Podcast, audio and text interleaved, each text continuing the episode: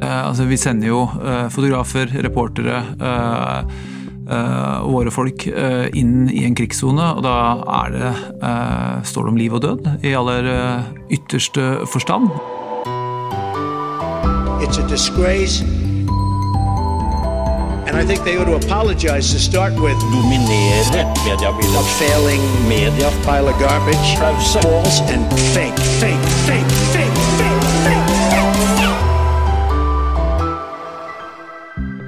Hei og velkommen til eh, Pressepodden. Mitt navn er Jan Magnus Weiber Ørdal, og i dag er vi hos NRK på Marienlyst i Oslo og skal snakke med utenriksredaktør i NRK Nyheter, Sigurd Falkenberg Mikkelsen. Velkommen til Pressepodden, Sigurd. Tusen takk. Vi skal snakke mer med deg om, eh, ja, ikke overraskende, utenriksjournalistikk og det siste året som har vært utfordrende på mange måter, osv. Men aller først en liten reklamepause. Synes du det er vanskelig å holde deg oppdatert i en mediebransje i rask endring? Studiepermisjonsordningen tilbyr kompetanseheving gjennom kurs og stipender. Vi tilbyr bl.a. kurs på Dataharvest-konferansen i Brussel og gravekurs for lokalaviser på Hurtigruten. Tidligere stipendater har fått støtte til prosjekter som podkastfestival i Chicago, kurs hos The Guardian og emner på London School of Economics. Neste frist for å søke stipend er 1. april. Sjekk om du kan få gratis kurs og kompetanseheving på våre nettsider Stupstipend.no. Sigurd Folkeberg Mikkelsen, eh, som vi nevnte i innledningen, siste året har vært veldig spesielt utenriksjournalistisk, må vi kunne si. Krigen i Ukraina som det store og dominerende. og 24.2 var det jo da ett års markering siden invasjonen. Hvordan vil du oppsummere og beskrive det siste året, for, eh, både for deg som utenrikssjef, men også for redaksjonen din? Det har jo vært eh, journalistisk veldig meningsfylt. Eh, man føler at man har et oppdrag som er viktig. Eh, men eh, også delvis hjerteskjærende, fordi vi kommer i nærkontakt med så mye lidelse, mye brutalitet. Og så har det vært et krevende år, fordi alt fra journalistiske vurderinger til sikkerhetsvurderinger har vi måttet ta løpende. Eh, sånn at det har vært et, et år et, mm, unntakstilstand. Eh, når vi vant til å dekke kriger og kriser og konflikt i utenriksredaksjonen eh, her i NRK. Men en så stor krig som dette har vi jo ingen av oss erfaring med. Mm. Du var litt inne på noen av utfordringene. men Hvis du skal si hva, hva, er mest utfordrende, eller hva har vært mest utfordrende? Nei, Aller først er jo sikkerhet. Altså, vi sender jo fotografer, reportere uh, våre folk uh, inn i en krigssone, og da er det, uh, står det om liv og død i aller ytterste forstand. Så vi tar jo og, og snakker om disse store spørsmålene, i tillegg til journalistikken. Så, hele dette sikkerhetsaspektet ved, journalistikken har jo blitt mye mer fremtredende. Og ofte Tidligere så har det vært uh, altså Vi har jo gjort krigsjournalistikk uh, tidligere også, det er ikke det. Men det er, det er, den, det er det at det er kontinuerlig og løpende. Uh, og vi har vært i Ukraina nesten hver eneste dag siden en god tid før krigs, selve krigsutbruddet. Men, men er, det, er, jo denne løpende og, og, og pågående tilstedeværelsen i en krigssone som, som, har gjort det siste året veldig spesielt. Mm. Er det noe som i løpet av det siste året sånn rent journalistisk har forandra seg til det bedre eller verre sånn sett med å dekke denne krigen?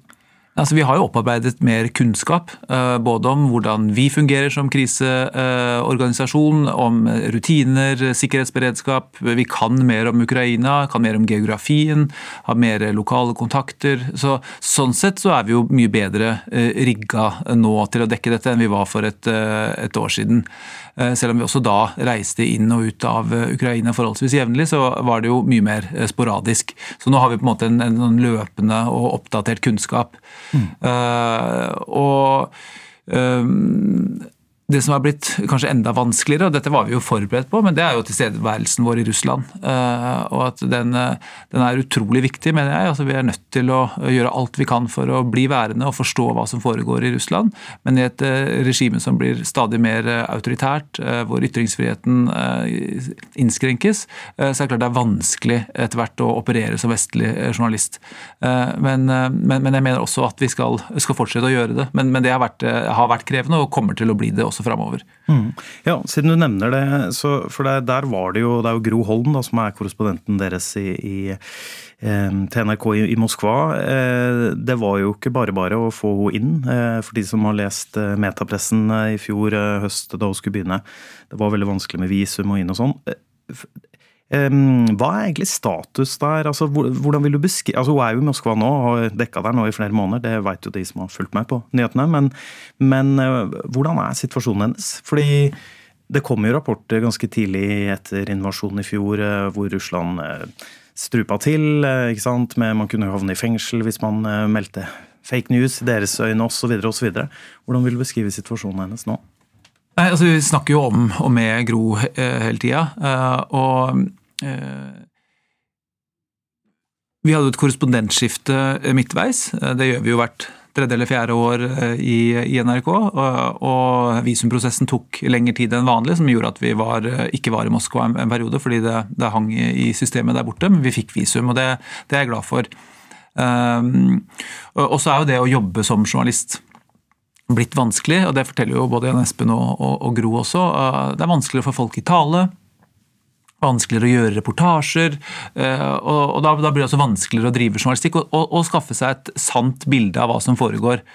Eh, så, så det, det, er på en måte den, den den, journalistiske utfordringen. Og så, må vi jo hele tiden ta løpende vurderinger knyttet opp mot sikkerhet, knyttet opp mot Eh, situasjonen for, eh, for, for, for, våre folk i, i, i, Russland.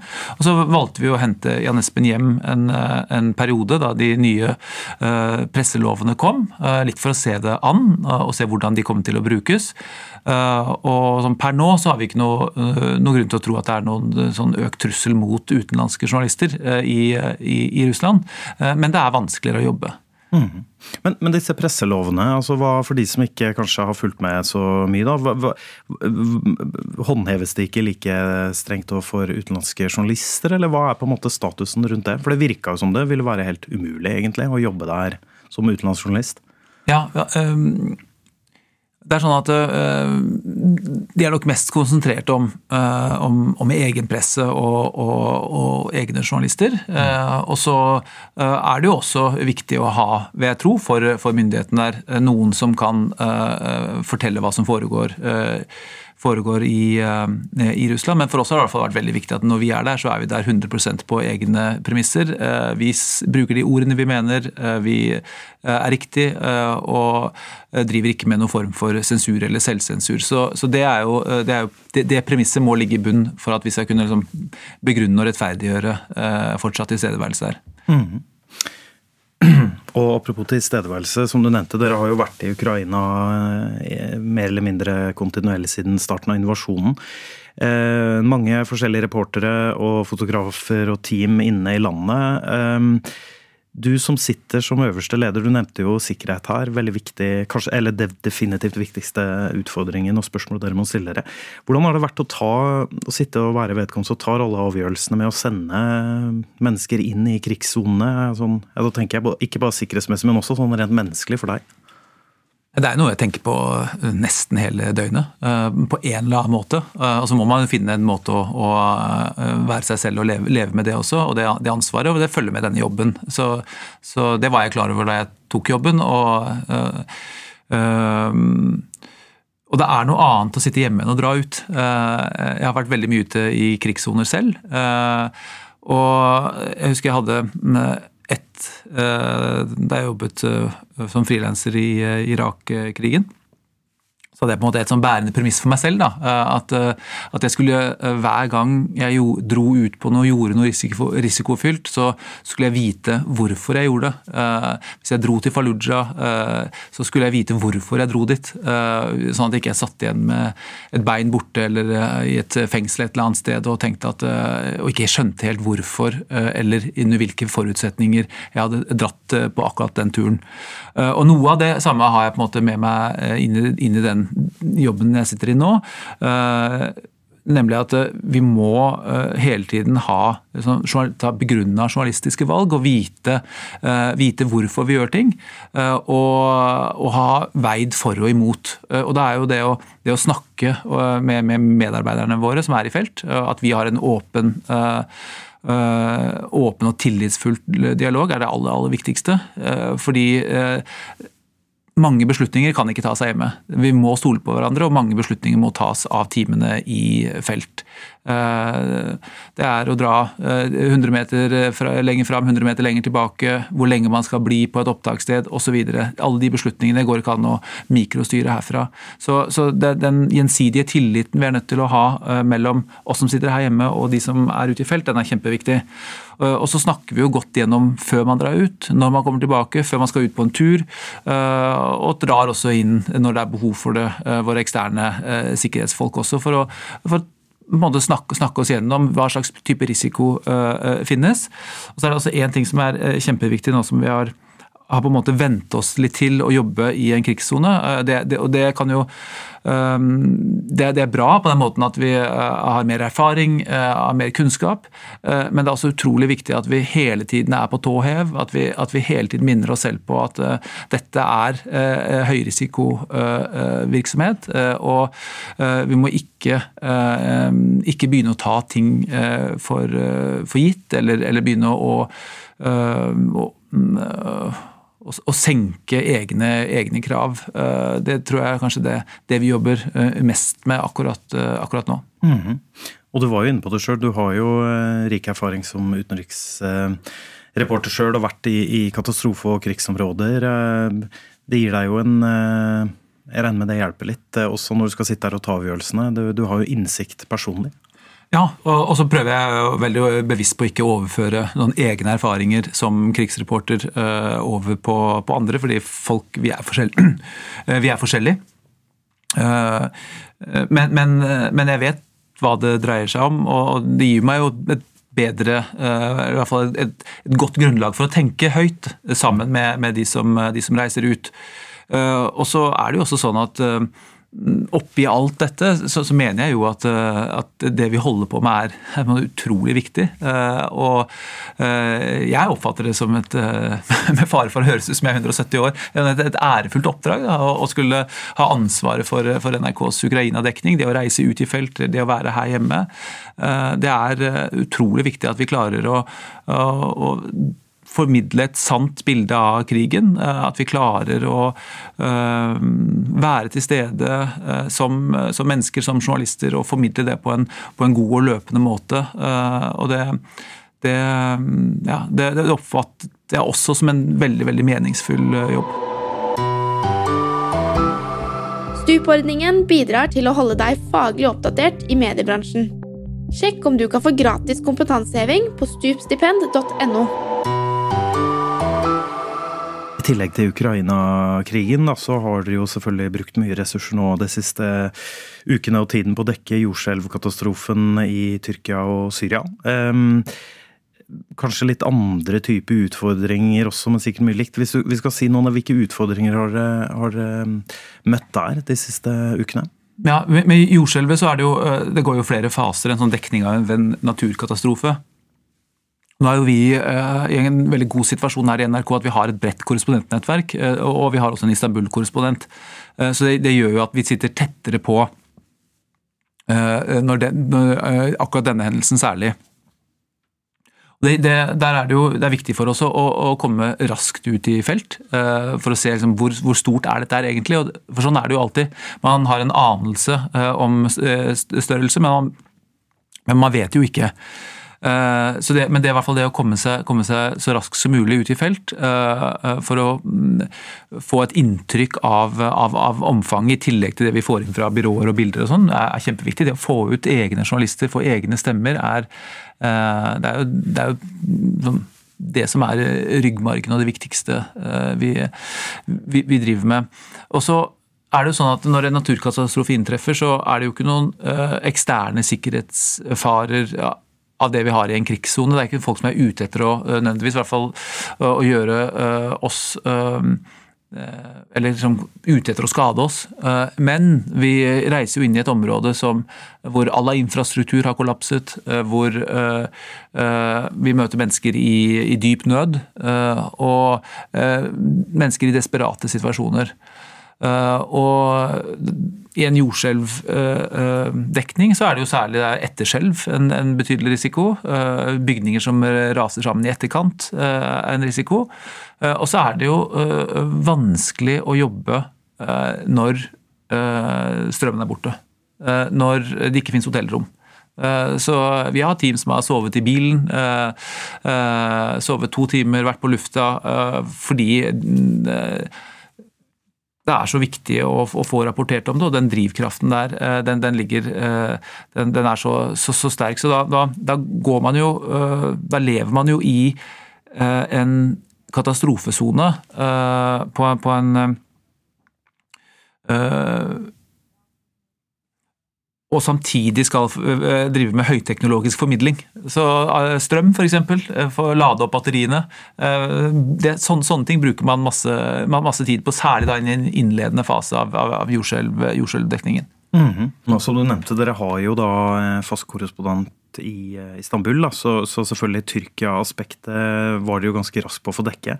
Men jeg vet jo at det var veldig utfordrende lenge med Syria, fordi rett og slett det var vanskeligheter med å få noen inn. Det har dere jo nå, men fortell litt om det, eh, om den prosessen. Ja, uh, nå har jo sånn at Hovedtyngden av jordskjelvet fant jo sted i Tyrkia.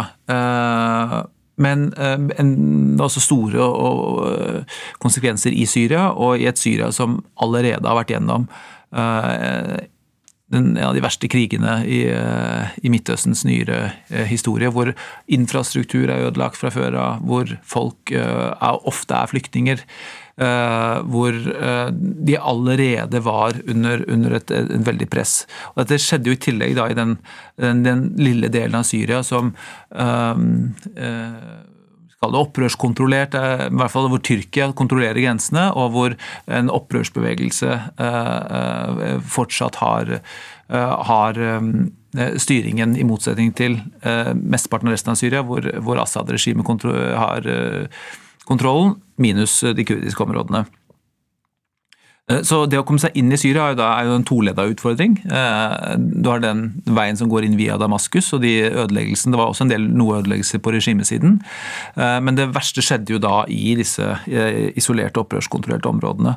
Så for mennesker som da ikke hadde utstyr, hadde veldig lite fra før av, og som i tillegg fikk et, et jordskjelv oppå dette, de var jo, og er, mange av de i en helt desperat situasjon, og de fikk mye mindre oppmerksomhet eh, enn eh, alle som var i Tyrkia, som tross alt er en, eh, er en sterk stat med betydelige innsatsmuligheter. Og det å, så det å få formidlet det ut i verden var, var kjempeviktig for oss. Hvordan er det egentlig for, for, for syrerne som er rammet av jordskjelvet? Eh, så vi har gjort to ting. Vi, vi har jobbet litt sammen, Istanbul-kontoret og Beirut-kontoret. Eh, men det er i hvert fall sånn at vi har brukt noen lokale fotografer en periode, eh, som Yama i Beirut hadde ansvaret for den journalistiske produksjonen via dem. Og så klarte vi faktisk å reise inn i Syria. Fikk en tillatelse fra tyrkiske myndigheter, så vi hadde riktignok en veldig kort tur, men vi var inne for halvannen ukes tid siden. Eh, hvor også Marit Befring eh, eh, var i Syria og traff noen av de som prøver da, å, hjelpe. Men det er klart, der er det ikke gravemaskiner i samme omfang. Folk, folk er overlatt til seg selv i mye mye større grad enn de er på tyrkisk side. Mm.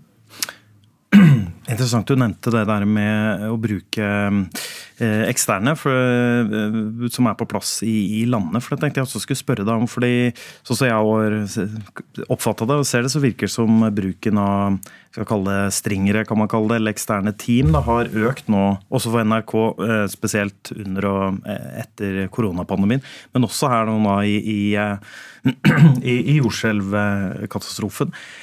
Fortell litt om hvordan det fungerer i praksis. Altså, er det sånn ja, Er det uh, folk dere finner via via, eller er det folk dere har For dere som sier, dere har ganske bredt og erfarent korrespondentnettverk allerede, men også folk som er her hjemme som har vært mye ute.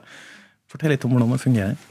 Ja, altså Det er jo ikke sånn at vi bruker det mye, øh, men vi har brukt det øh, litt. Og øh, under pandemien særlig, hvor vi ikke kunne reise selv, så brukte vi en del av det vi hadde av lokale kontakter for å gjøre opptak for oss.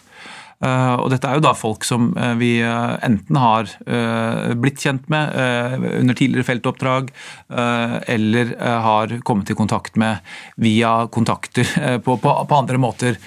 Eh, og eh, noen ganger så er det, eh, er det viktig for oss, for det gir oss en mulighet til å, til å, å, å komme litt tettere på. Og få dobbeltsjekket ting, stilt noen nye spørsmål, tatt noen sterkere journalistiske styring over de prosjektene i områder hvor vi ikke selv kommer inn. Men vi må jo gjøre det med de samme journalistiske kravene som stilles til all annen journalistikk eh, vi eh, leverer. Og så er jeg opptatt av at vi er, er åpne om forutsetningene for hvordan journalistikken har, har, blitt til. Sånn at vi prøver også så godt det lar seg gjøre å fortelle om det når, når vi har brukt, brukt, spesifikke lokale team for å gjøre, gjøre oppdrag for oss. Mm, ja, for det kan jo være noen utfordringer rundt det her med F.eks. hvordan vurderer dere bakgrunn, bindinger osv. for personene her? Ja, altså Det journalistiske ansvaret uh, ligger jo hos oss, uh, og redaktøransvaret ligger hos, uh, hos oss. Og vi gjør jo da de journalistiske vurderingene i lys av det. og og så er det altså sånn at de, de gjør ofte sånn spesifikke oppdrag. og på samme måte som byråjournalister kunne, kunne, også gjøre noe av det samme. Eh, så det er ikke sånn at de jobber 100% for oss, eller, eller har en eh, NRK-hatt 24 eh, timer i, i døgnet, men de, men de, går inn og gjør en, gjør en, jobb for oss. og Da, da er det selvfølgelig veldig viktig at vi, vi, også tar den journalistiske bakgrunnssjekken for å vite at det og det oppdraget er ivaretar våre journalistiske standarder. fordi de gjelder også når vi bruker eksterne, eksterne team. Mm. Og Apropos ekstern eh, hjelp. Et begrep eh, som er blitt mye brukt nå, spesielt kanskje under eh, krigen, eller Ukraina-krigen, men også tidligere, er såkalte fiksere. Det har hørt ofte blitt nevnt også når vi med 24 intervjua utenriksjournalister rundt omkring. For de som kanskje hører der nå og tenker ja, det har jeg hørt, men jeg veit ikke helt hva er. Kan du si litt om det? Hva er en såkalt fikser? Og hvordan fungerer det? Ja, jeg, synes jeg sliter jo litt med det begrepet, for det høres litt sånn uh, Det høres litt uh, ulovlig ut? Det, ja, på en eller annen måte. Uh, så jeg bruker ofte medhjelper eller mm. lokale kontakter. og det er de er jo også utenriksjournalistikkens helter, som ikke får den oppmerksomheten de, de kanskje fortjener. Eh, og det, De kommer jo i mange fasonger og utfører veldig mange forskjellige typer oppdrag. Eh, og eh, er jo da en, en lokal kontakt som eh, fasiliterer, eh, har spesifikk kunnskap om ett og ett område, kanskje veldig, har gode kontakter inn i et departement, eller bare er en god tolk, god til å løse praktiske problemer, gode sjåfører. altså det, det er et begrep som på en måte rommer veldig mye. Et, det er en slags produsent. Eh, som i hvert fall praktisk da, tilrettelegger eh, eh, for at, at, vi som journalister og fotografer skal kunne gjøre jobben vår. Og som sagt, Det kan være, være alt fra å, å, være med inn i øst i Ukraina for å, å, å treffe folk, til å, til å gjøre mer, mer, mer, praktiske oppgaver, eller, eller, hjelpe oss med en myndighetstillatelse, eller, eller bare være tolker noen ganger også. Mm. Ja, Du nevner utenriksjournalistikkens eh, helter, eller unsung heroes, da ja, kanskje? Det jeg tenkte på. ja, eh, men, men, hva har det Har det noen eksempler på hvor, hvor, hvilken betydning det har hatt nå, f.eks. nå i forbindelse med Ukraina-krigen? Altså, Hvor viktig har det vært? Ja, altså, vi hadde jo ikke fått den tilgangen, mm. klart å komme oss rundt på, på, samme måten hvis vi ikke hadde hatt uh, fiksere, og hvis ikke vi hadde, hadde hatt folk til å, å, å hjelpe oss. Uh, samme med jordskjelvet i, i, Tyrkia. Uh, veldig viktig at vi, der vi jobbet over mange år, uh, bruker mange av de samme menneskene til å, til å gjøre den, den, den, jobben. Og de, de, gjør en helt utrolig viktig jobb i journalistisk sparring. det å, det å um, vite hvor man skal dra for å, få de, for, å, for å fortelle de beste historiene. Komme tettest mulig på. Uh, og også noen ganger til å klare å lese lokal kontekst. For uansett hvor erfaren du er i et land, hvor godt du snakker språket, så vil, vil det være uh, signaler som man kanskje ikke er like god til å fange opp uh, hvis man, når man kommer inn som journalist i et, et kriserammet område eller, eller krigsrammet område. Så nei, fikserne de er, de er kjempeviktige for oss. Mm. Jeg ser litt på tida her nå, Sigurd, at vi skal snart gå inn for landing, som jeg liker å pleier å si i Pressepodden. Men jeg har lyst til å stille et, et, spørsmål. Du var jo litt inne på det her, din egen erfaring som utenriksreporter og korrespondent. Eh, nå sitter vi her på kontoret ditt, eh, solfylt ute i Oslo eh, på Marienlyst.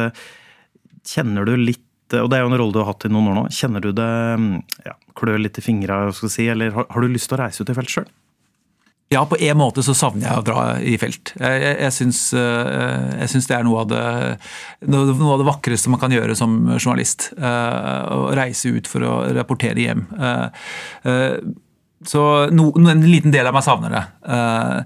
Samtidig så eh, er det en tid for alt, eh, og nå har jeg andre oppgaver, for å svare litt voksent, eh, så, som, som, jeg også oppfatter som kjempeviktig. Så det Og jeg liker, jeg liker egentlig å være i begge situasjoner. Så syns jeg det er egentlig lært meg da, til å, å, å synes det også, også, er utrolig fint å sende folk ut, se at det fungerer, og så blir jeg veldig veldig glad når de kommer hjem igjen. Mm.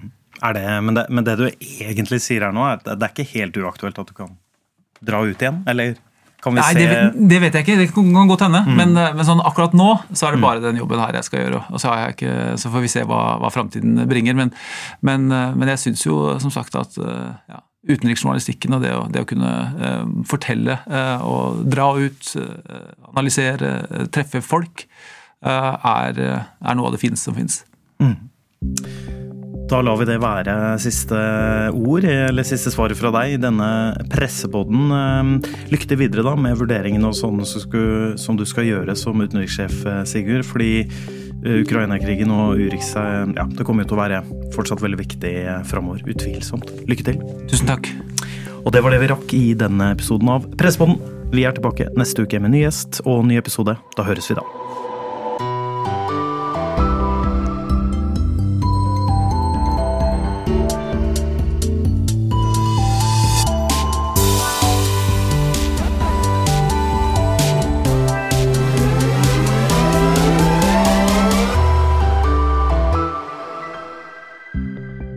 Stup-ordningen bidrar til å holde deg faglig oppdatert i mediebransjen. Sjekk om du kan få gratis kompetanseheving på stupstipend.no.